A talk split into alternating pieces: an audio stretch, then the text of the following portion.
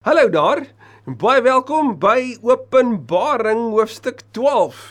Dalk as jy nuut by ons is of jy sê baie welkom, miskien het iemand vir jou hierdie skakel aangestuur.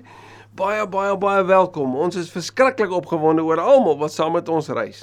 En hierdie platform is juis 'n plek waarin ons ernstig oor die woord lees en dit met mekaar deel.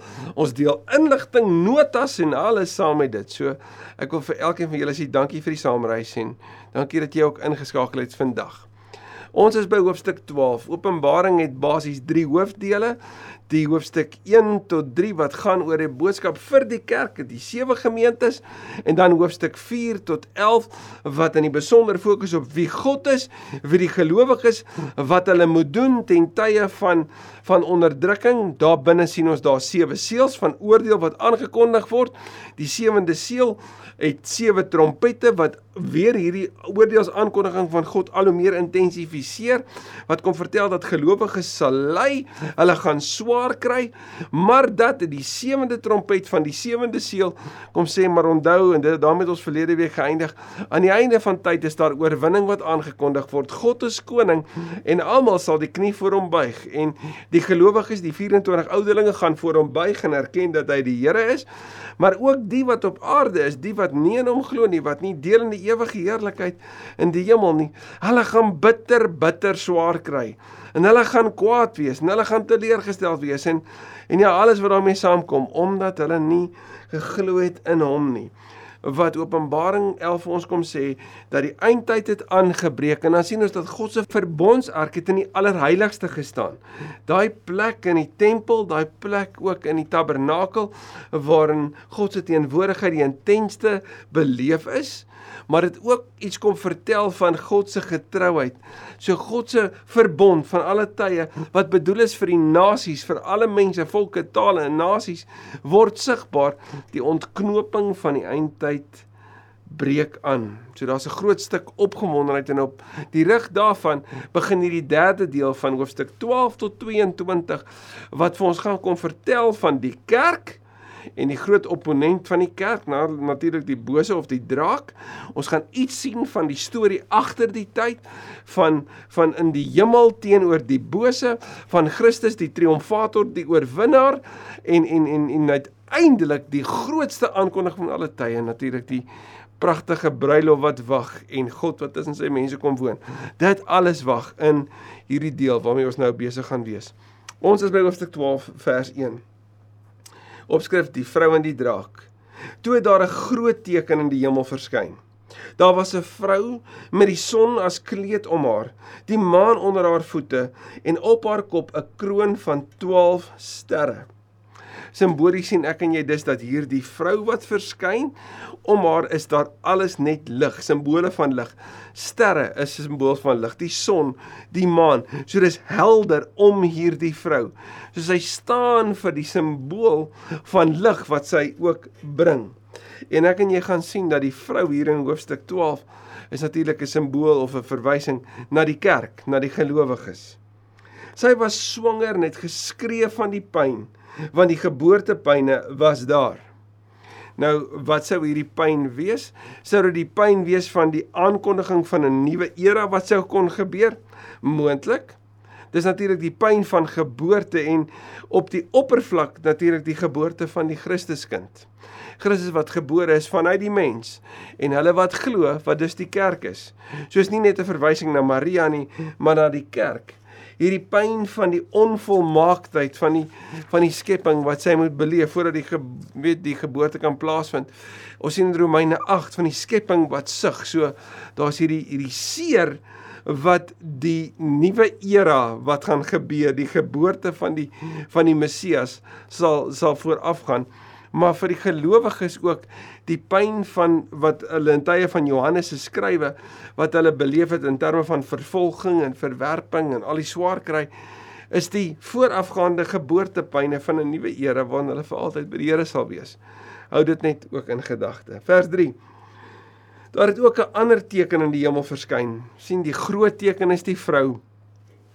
Ander teken is iets anders, iets minder as. Hierdie is net 'n ander teken. Dit staan teenoor die groot teken.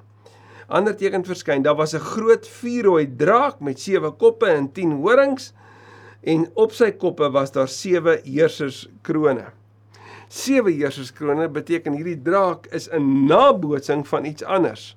En ek en jy gaan sien, soos wat ons sien dat God die Vader het, God die Seun en die Heilige Gees is die drie eenheid. sien jy dat hierdie hierdie draak wat die Satan is, gaan ook 'n nabootsing twee getuies of twee ander wesens hê. Nou in die Griekse mitologie word die Satan ook baie keer beskryf of geskets as 'n draak met horings. Die Leviathan gaan ek en jy van lees in Psalm 74 vers 14. As jy meer ook wil lees oor 'n kop wat vermorsel word, op red Romeine 16:20 vertel dit. Ek kan jou onthou dit ook uit Genesis 3 uit van die kop wat vermorsel word, maar daar skei vyandskap is tussen die kerk en en die Satan. Sy stert het 'n derde van die sterre in die hemel saamgesleep. Nou hierdie is 'n 'n beskrywing van die Satan. Onthou hierdie gebeurtenisse is nou alles in die hemel en die Satan gaan 'n derde van die sterre wat 'n 'n beskrywing ook van die engele is saam met hom neem. En hulle op die aarde gegooi. So die die Satan en 'n derde van die hemel is op die aarde gegooi. Die draak het voor die vrou gestaan wat op die punt was om 'n kind te kry. Hy wou haar kind verslind sodat sy hom in die wêreld bring. Hy wou haar kind verslind sodra sy hom in die wêreld bring. Die Satan het geweet hier kom die redding en hy wou dit keer. Natuurlik laat dit my nogal dink aan wat gebeur het met koning Herodes, nê? Nee? Toe Jesus gebore is en hy die babetjies laat doodmaak het. In reaksie daarop om die beweging van die koning van die Jode wat gebore is te keer. Ekskuus tog. Sy het 'n kind in die wêreld gebring, 'n seun, bestem om al die nasies met 'n eysterscepter te regeer. 'n Seun, Christus, triomfator. Iets wat ek en jy jy van kan lees in Psalm 2 vers 9. En en en die Satan het gekom om hom te verslind. En ek en jy sien dit in sy pogings ook om Jesus dood te maak. En wanneer Christus uiteindelik in aan die kruis sterf en daar stil Saterdag wat aanbreek en binnekort is dit ook so vir ons met Paastyd. Sou jy dink dat dit verby is? Maar ons weet Sondag kom en so kom sê Johannes dit ook. Haar kind is egter weggeruk na God en na sy troon toe. So hier is 'n beskrywing van die opstanding in die hemelvaart.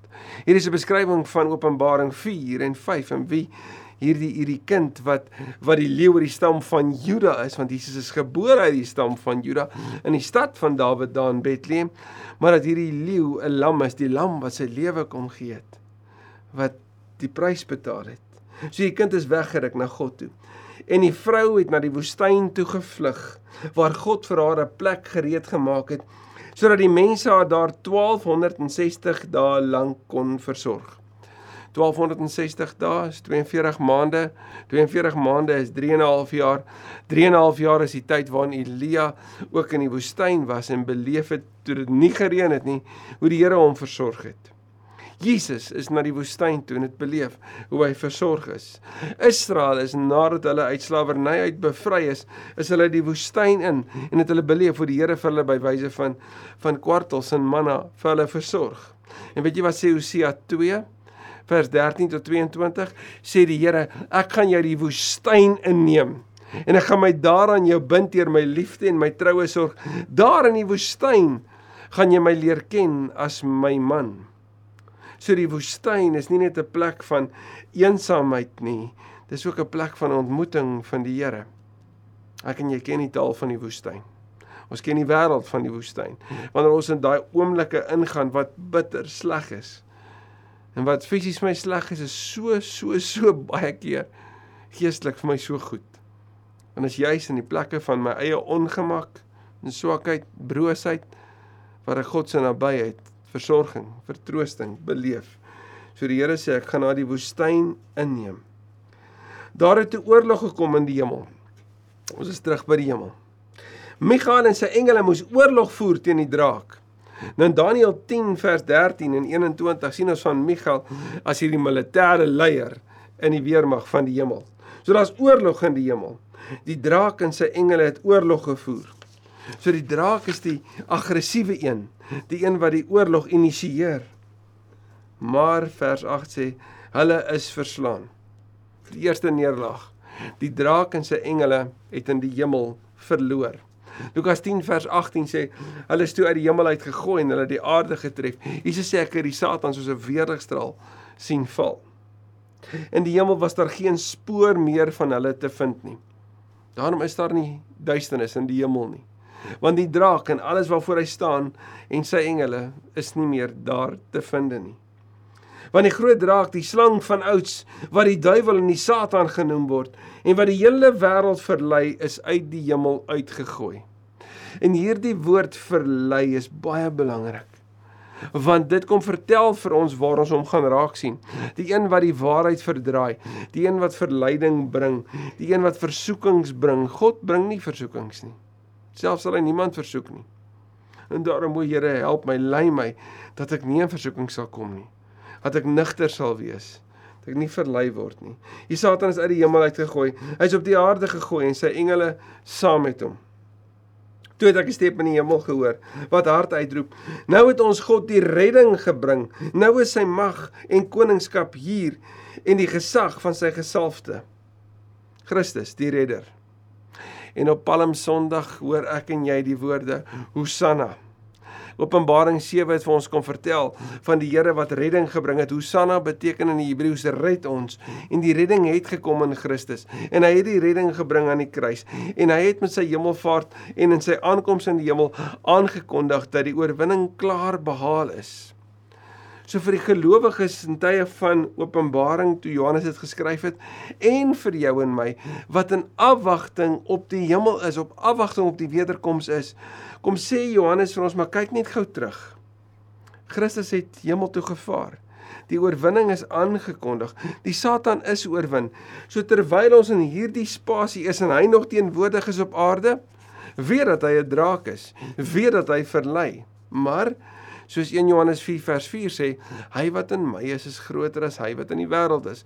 Soos 2 Timoteus 1 sê, God gee ons nie 'n gees van vrees nie, maar van liefde, krag en selfbeheersing. Ons hoef nie bang te wees nie want ons weet die oorwinning is behaal. Die aanklaer van ons medegelowiges is uit die hemel gegooi. Hy wat hulle dag en nag voor ons God aangekla het. sien die Satan het sy geveg verloor in die hemelse hofsaal. Michael het hom daar uitgegooi. Hy kan nie meer kom en jou in my dag vir dag aankla nie.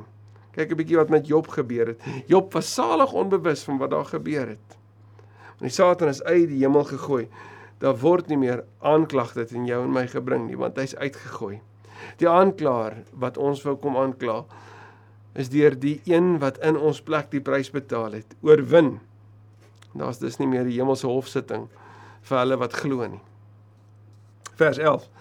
Hulle het self die oorwinning behaal. Nou hier is die gelowiges. Hulle het dit self behaal. So en en hoe het hulle dit gedoen? Deur homself te oorwin? Nee, hulle het homself die oorwinning oor hom behaal. En Romeine 8 sê die gelowiges is meer as oorwinnaars. Danksy die bloed van die lam, so hulle skoon gewas soos hoofstuk 7 gesê het. En die boodskap waarvan hulle getuig het. Die boodskap van die oorwinning wat op Golgotha gebeur het die bloed wat gevloei het. So het vasgehou aan dat Christus vir my gebetaal het en dat hy my bevry het. En hierdie boodskap gaan ons vir die wêreld vertel en omdat hulle dit nie laat gaan het nie, was die oorwinning moontlik. En hulle het nie hulle lewens so lief gehad dat hulle onwillig was om vir hom te sterwe nie. So hulle was bereid om die pad van lyding te te stap. En dis die storie van die kerk. Dis waaroor 1 Petrus 4 vers 12 tot 19 skryf. Hulle wat agter Jesus aanstap, sal dit betaal met hulle lewens. Hulle sal dit voel. Maar hulle doen dit met vreugde want om aan die Here eer te bring. Is hoekom hulle dit wil doen en sal doen. Daarom hemel en die wat daarin bly verheug julle. So die hemel wees bly want die oorwinning is behaal. Hierdie is die eindtydse storie. Maar vir julle land en see, anderswoorde vir julle wat op aarde agtergebly het, wag daar ellende omdat die duiwel na julle toe gekom het met groot woede en met die wete dat hy min tyd het. So tussen die tyd van van Christus se hemelvaart en die tyd van Christus se wederkoms is daar min tyd. En wat wil die Satan in hierdie tyd doen? Hy wil verwoesting vir die kerk veroorsaak. Verwoesting vir almal op aarde veroorsaak. Hulle verlei en en en seermaak. Ek bedoel die Satan word in Johannes 8 ge beskryf as die die die die vader van van van die leuen en waarvoor is hy bekend dat hy 'n moordenaar van mense is. Uitmuntheid. Vers 13. Toe die draak sien dat hy op die aarde gegooi is, het hy die vrou agtervolg wat die seun in die wêreld gebring het. Hierdie vrou natuurlik die kerk. Hy stap agter haar aan. Sy is sy vyand. Sy bedreig hom. Hy wil haar te nakom. Maar aan die vrou is twee groot arensvlerke gegee sodat sy na die woestyn na haar plek toe kon vlieg. In Eksodus 19 vers 4 sê die Here, hy het Israel bevry deur vir hulle op die vlerke van arend weg te neem. So en kyk mooi, daar word gesê na haar plek toe. Want in die woestyn word sy ten diepste en ten naaste versorg. So die Here kom sê, kerk wat ten tye van swaar kry dit intens beleef, weet ek neem julle weg om julle te versorg. Daar word sy die hele vasgestelde tyd weg van die slang af versorg. In die woestyn is sy bevry. Gaan lees Openbaring 11 vers 2 gerus hieroor. Die slang het toe 'n stroom water soos 'n rivier uit sy bek agter die vrou uit uitgespoeg sodat sy deur die stroom meegesleer kon word. Aan die ander woorde 'n vloedgolf van vervolging wat hy laat gebeur het. En kyk wat gebeur. Maar die aarde het die vrou te hulp gekom. God se skepping help God se mense. God se skepping kom vertel vir God se mense, hy is hier. Hy help selfs in 'n woestyn dit het oopgegaan en die stroom opgesluk wat die draak uit sy bek uitgespoeg het. Hierdie is goeie nuus vir gelowiges ten tye van van onsekerheid en van vervolging. Kom sê Johannes, hoor hierdie beeld wat ek gesien het. Ja, selfs God se skepping is tot diens van God se mense. Die draak was woedend oor die vrou. sien, hy beleef verlies op verlies op verlies verlies teen Michael beleef in die hemel, verlies teen Christus wat wat weggeruk is in hemel toe is. Nou verlies omdat die kerk oorwinning oor hom behaal, omdat hulle vashou aan die boodskap en aan die bloed. Sy was woedend oor die vrou en hy het weggegaan om oorlog te maak teen haar nakommelinge. Dit herinner aan Genesis 3 vers 15 waarin die Here sê ek stel vyandskap tussen jou en teen jou nageslag. So die nageslag, die nakommelinge natuurlik is is almal wat sou kom. Dis jy en ek wat bely dat Jesus die Here is. Ook ons beleef dat daar oorlog gemaak word. Die nakommelinge wat die gebooie van God nakom en aan die getuienis vashou wat Jesus gelewer het. Anderswoorde hulle wat leef en vertel. Hulle praat nie net oor wat Christus gedoen het nie, hulle leef dit ook en teen hulle is daar oorlog. Nou weet ons ek so ag Efesiërs 6 praat van die stryd is nie teen vlees en bloed nie, teen die bose magte in die. En dis hiervan wat Johannes ons herinner. Die drake toe op die seestrand gaan staan. Die seestrand is natuurlik die plek waar die water in die in die land bymekaar kom. So. Hierdie eerste hoofstuk van hierdie volgende toneel wat Johannes beleef is dat daar 'n draak is. Maar 'n draak wat oorwin is in die hemel. 'n Draak wat oorwin is deur Christus. En 'n draak wat nou in sy derde fase met mintyd oorlog het voer teen die teen die vrou en haar nakommelinge. En ek en jy gaan sien dat vir hierdie draak is daar nie 'n oorlog om te voer nie. Want hy's 'n oorwonne draak. So mag ek en jy weet waarin die oorwinning regtig lê. As jy meer wil weet en opgewonde is, wel, sien jou volgende week.